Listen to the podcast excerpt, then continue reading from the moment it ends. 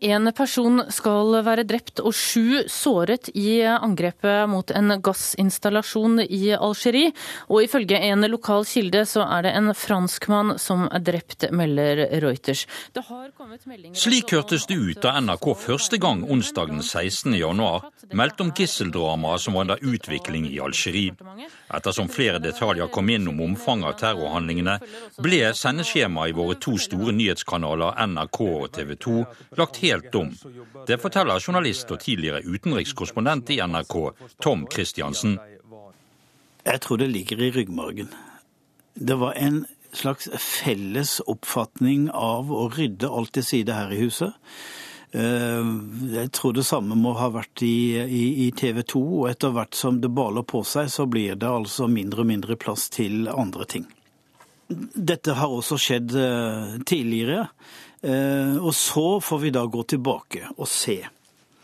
Hva brukte vi den tiden til som eh, gikk med til å dekke Algerie-saken? Jo, det var mye av det som eh, vi brakte der, som var analyser, bakgrunn, kunnskap.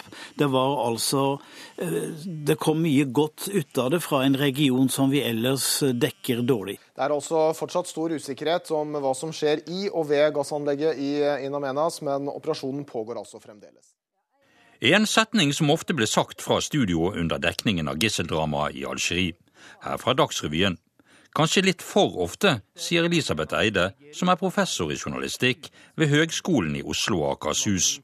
Ja, det kan jeg nok godt si at uh, en del sendinger uh, gikk mest på intet nytt, og det ble sagt med litt flere enn to ord, for å si det sånn. Og da ble det mindre plass til å si noe om hva som uh, holder på å skje i Syria, som jo Det er ikke slik at regimets terror i Syria stopper opp fordi om det skjer en gisselaksjon i Algerie. Og eh, ditto i Afghanistan så har det vært noen bitte små meldinger om at det har vært to ganske store angrep i Kabul. Og eh, ditto Det har jo stundet mot israelsk valg. Det fikk man liksom først summet seg til å gjøre noe med de siste dagene nå. Det har blitt skjøvet i bakgrunnen. Så det er klart det går alltid på bekostning av noe, fordi sendeflatene er som de er. Selv om en her har ryddet til side og laget større flate. Det som jo ikke var mulig ved denne anledningen her, det var jo å ha såkalt standup, altså eh, presentasjon fra stedet. Fordi at vi ikke hadde reportere på stedet ved olje, dette oljeanlegget.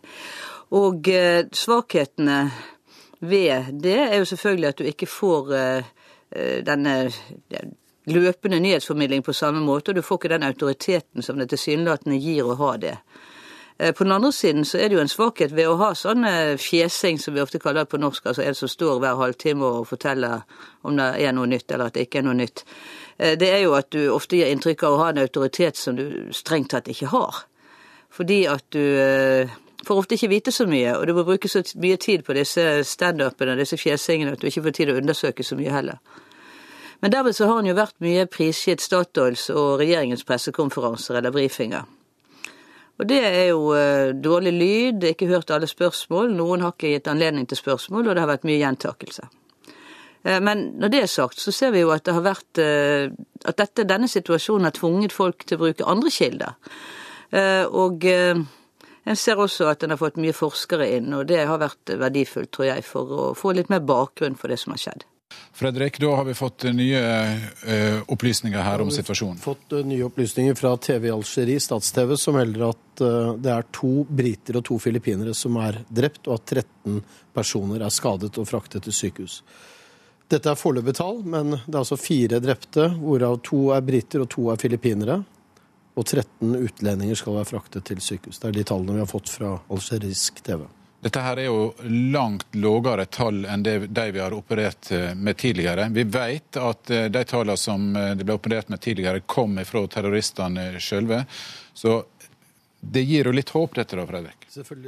Et lite strekk fra TV 2s nyhetssending torsdag den 17. januar, med reporter Fredrik Gressvik og ankermann Arild Riise i studio. Nyhetsredaktør i TV 2, Jan Ove Aarsæter, sier at terroraksjonen mot ansatte i gassanlegget i Amenas stilte nyhetsredaksjonene overfor helt spesielle utfordringer. Det som skilte seg her fra denne hendinga, var at i nyere tid så er det en av de mer lukka Eh, terrorhendelsene vi har dekka, eller en av de mer lukka hendelsene overhodet. Det har vært slik at det har vært veldig lite tilgang på bilder. Det har vært veldig lite tilgang på sikker informasjon.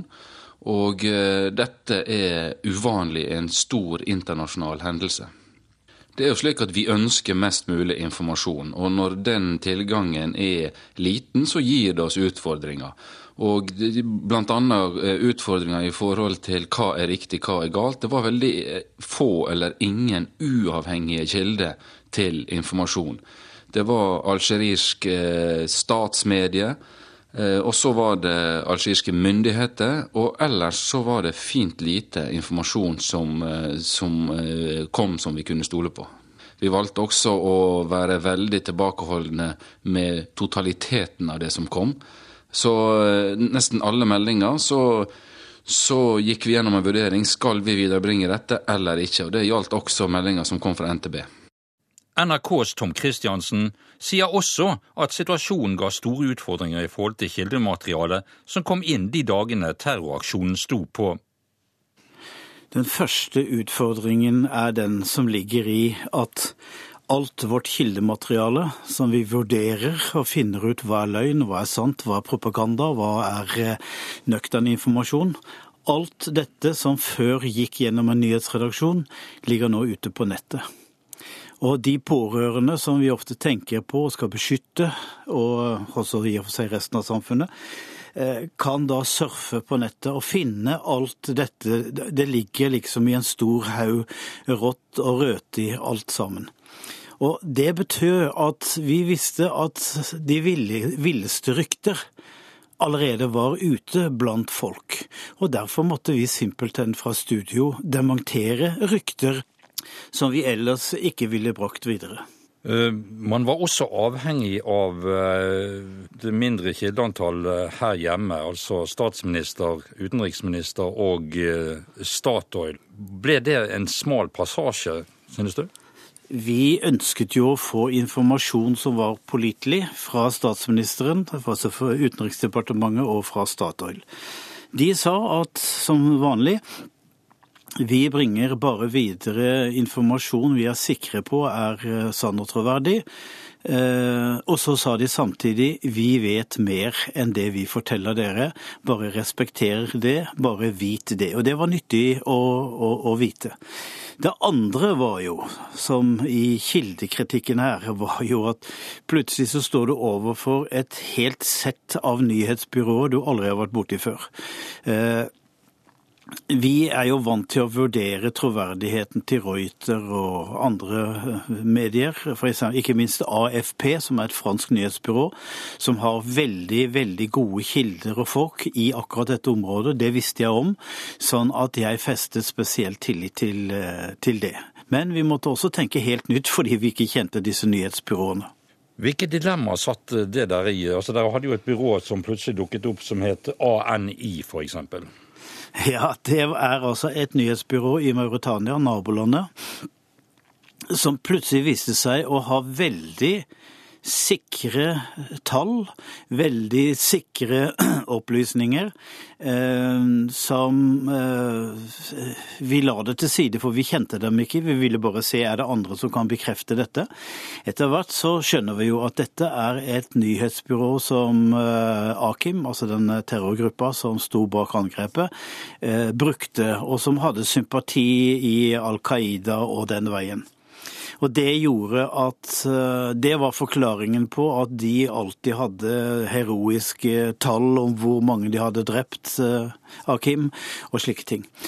Men etter hvert så viser det seg jo at eh, det er de som har utsagn fra, fra terroristene som vi kan stole på. For akkurat den siden av saken ble de plutselig veldig troverdige. Men altså ikke Vi måtte samtidig se at de drev med propaganda, og forsøke å, å forholde oss til det på et vis.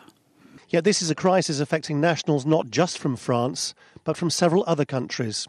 Britain, Ireland, Japan and Norway all had confirmed workers there.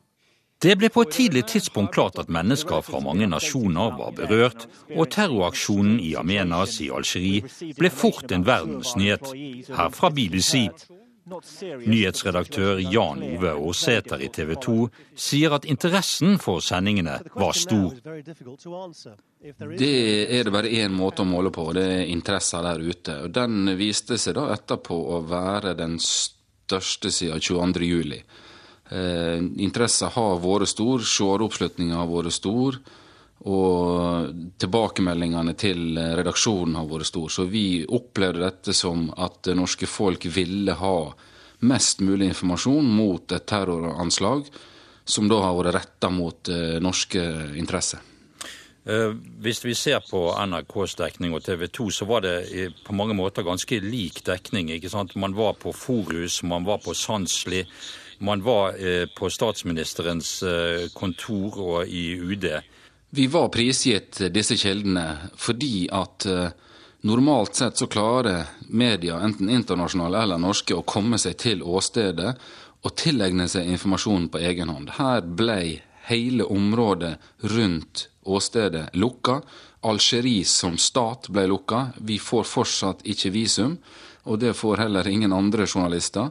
Det statlige byrået kunne vi ikke stole på 100% så eh, det ble nå slik at vi måtte forholde oss til statlige myndigheter, og vi måtte forholde oss til Statoil, som da har hatt eh, en uvanlig god eh, kontroll på media i denne saka, og god kontroll på informasjon som har kommet ut. Det eneste gangen informasjon glapp for Statoil og for regjeringa, var når Oddvar Birkeland da gjorde et intervju med en journalist fra Reuters når han da ble brakt i sikkerhet. Og vi hadde jo da som eneste medie en eh, journalist og team inne i Mali. Og eh, der mange mener at disse grupperingene har sitt utspring. Eh, og vi forsøkte da å sette dette i et nordafrikansk perspektiv. Vi satte det i sammenheng med at diktaturet i Libya har rakna, som har skapt et, et vakuum i regionen. Og vi hadde også reportere hjemme i Norge som hadde som oppgave å lage reportasje om Algerie eh, generelt, og historikken eh, spesielt. Og vi hadde også et team som jobba med, med uh, hovedmannen og grupperinga bak dette. Så vi forsøkte jo, og så kan det hende at vi kunne gjort enda mer av dette. Tom Christiansen mener dekningen av terroraksjonen ble for massiv. Nei, det blir for mye det blir for mye hver gang. Eh, I dette tilfellet mm, var det jo slik at mange norske var involvert. Et norsk stort selskap er eh, trua med å få sprengt sitt anlegg i lufta. Det er klart at i ettertid kan du se at eh, vi har overdekket det. Særlig en kveld den torsdagen hvor altså Intet annet enn eh, denne saken var tema fra klokka sju, Dagsrevyen, og til eh, nærmere midnatt. Men den kvelden vi jo, hadde vi fått vite at aksjonen er over. Vi satt og ventet på å få vite, få høre fra de norske overlevende. Og slik ble det jo ikke. Vi fikk jo ikke vite noe mer. Så det var en forspilt kveld, kan du si. Men det er sånn som man i ettertid kan si. Men jeg har jo sittet og fulgt nyhetsjaget eh, disse dagene, og det skjedde jo svære ting andre steder i verden, ikke minst i nabolandet Mali, som altså, ble borte i nyhetsstrømmen akkurat dit eh, to-tre dagene. Og vi hadde dette i hodet hele tiden. Nå må vi komme tilbake til det mer normale. altså Nå må vi få inkludert resten av verden i, i, i vår globus. Vi skal eh, følge med videre. Vi skal nå se at gisselsituasjonen i Algerie opptar nå i kveld ledere fra store deler av eh, verden. Mange av dem har landsmenn som de fortsatt ikke vet om er i live. Den amerikanske utenriksministeren holdt pressekonferanse med sin somaliske kollega i kveld, da spørsmålet om Algerie dukket opp. TV 2s nyhetsredaktør Jan Ove Aarsæter er ikke enig i at gisselaksjonen ble overdekket. Det er gjerne slik at dette må jo vektes opp mot hva slags sak dette var. Vi snakker tross alt ikke om eh, fem privatpersoner som da er, er savna eller fryktes drept i utlandet. Vi snakker om det mest alvorlige angrepet på norske interesser i utlandet noen gang. En eh, voldsomt brutal terroraksjon med, et, med så mange gjerningsmenn som vi knapt har sett før. Så, og, og dette må sees på som et, et, angrep på Vesten, et angrep på Norge og et angrep på norske interesser. Så eh, det er ikke tvil om at dette her har stor alvorlighetsgrad. Det er veldig vesentlig, og det angår eh, mange flere enn bare Statoil. Eh, nå antar jeg at TV 2 gjør som NRK, at man på en måte vil oppsummere sin egen dekning av denne, denne saken etter hvert. Men hva har en lært av av denne saken? Vi eh, har diskutert hva vi har gjort eh, feil, og hva vi har gjort riktig. Det er nok litt tidlig ennå å gjøre seg til doms over dette. Men eh, i forhold til den massive dekninga dette har fått, så vil jeg nok stå på at det var riktig å gi det så mye plass. og gi å bruke så mye ressurser på dette, fordi at dette er en sak som hele verden var opptatt av. Og vi ser at fortsatt så er det veldig mange ufortalte historier. Nesten daglig nå så er det nye vitner, nye overlevende fra andre stasjoner enn Norge. Og så, Hvis det er noe som er interessant å diskutere, så er det jo kanskje at vi fortsatt da ikke har fått historiene fra de norske som overlevde der nede. Hva var det de så? Hva var det som foregikk? Og det kan være problematisk, fordi at her har eh, både regjeringa og Statoil en sånn god informasjonskontroll på dette at i, i, et, i, i, teorien så Uten at vi har grunn til å mistenke det, så kan det være at det har vært glipper i sikkerheten her. Men dette har jo da vi ikke informasjon om. Vi får ikke informasjon om dette fordi Statoil har fraråda sine ansatte å snakke med media. Eh, men gir dette grunnlag, eh, i hvert fall i utgangspunktet, til å drive kritisk journalistikk i eh, etterkant av tragedien? Det blir en viktig oppgave for oss å stille spørsmål om kunne dette vært unngått? Kunne det vært, er det ting her som Statoil har oversett i sikkerheten? Nå er Statoil veldig opptatt av sikkerhet, og vi har ikke grunn til å tro det, men det er nå tross alt vår oppgave å stille disse spørsmåla. For som det er med alle store tragiske hendelser, så er det viktig at vi lærer av det. Og her er muligheten for å lære litt liten, fordi vi fortsatt ikke har fått vite noe. Og dess lengre tid det går, dess mer problematisk er det. Så og Vi husker også at kritikken etter 22.07 at det tok for lang tid før media stilte de kritiske spørsmålene. Her har det faktisk da gått enda lengre tid. Risikerer man med en så massiv dekning å løpe terroristenes ærend? Nei, mener professor i journalistikk Elisabeth Eide. Altså, Terroristene var vel først og fremst ute etter å få frigitt gisler. Det er klart de har behov for å gjøre seg gjeldende i mediene, men de vet jo at den mediedekningen de får er utelukkende negativ. Eh, og en kan jo ikke akkurat eh, la være å dekke en terroraksjon eh, fordi om terroristene dermed blir synlige. Det er jo også en umulighet. En kan jo heller si at faren ved en sånn aksjon kan være, når en da dekker terroristene, og selvfølgelig utelukkende negativt, at det kan stå i fare for å gå ja, regjeringens ærend og kanskje skjerme en del kritiske kommentarer som etter hvert nå begynner å reise seg, f.eks. For i forhold til Statoil og hva, hvordan politikk de har på å være i Algerie. En ting er jo at, eh, at, de er der, en annen ting er om de representerer denne gode norskheten som noen kommentatorer sier de gjør da. eller om de er stort sett som alle andre oljeselskap. Og En annen ting er jo noe som jeg syns eh, er ganske bra, da, at du har fått opp en del kritiske kommentarer til den litt eh, raske vendingen hvor mange begynner å snakke om at Norge bør engasjere seg i Mali, på siden til regjeringen, som også er et resultat av et kupp, og ved siden av franske krigførende. Nå er det viktig å sette seg ned og evaluere dekningen av terroraksjonen i Amenas i Algerie, sier Tom Christiansen. Det er flere ting vi må evaluere. En av dem er jo hvordan vi har ordlagt oss underveis. Eh, på et visst tidspunkt her skjønner vi jo at det er noen som antagelig ikke kommer tilbake. Det er noen som er blitt drept av de norske. Hvordan formulerer vi det underveis? Hvordan gir vi på en måte øh, Hvordan kan vi på en måte med anstendighet dekke dette uten å snakke om eh, lik og drepte når vi ikke vet det. Det er en vanskelig balansegang, og vi har vært eh, veldig forskjellige, tror jeg nok.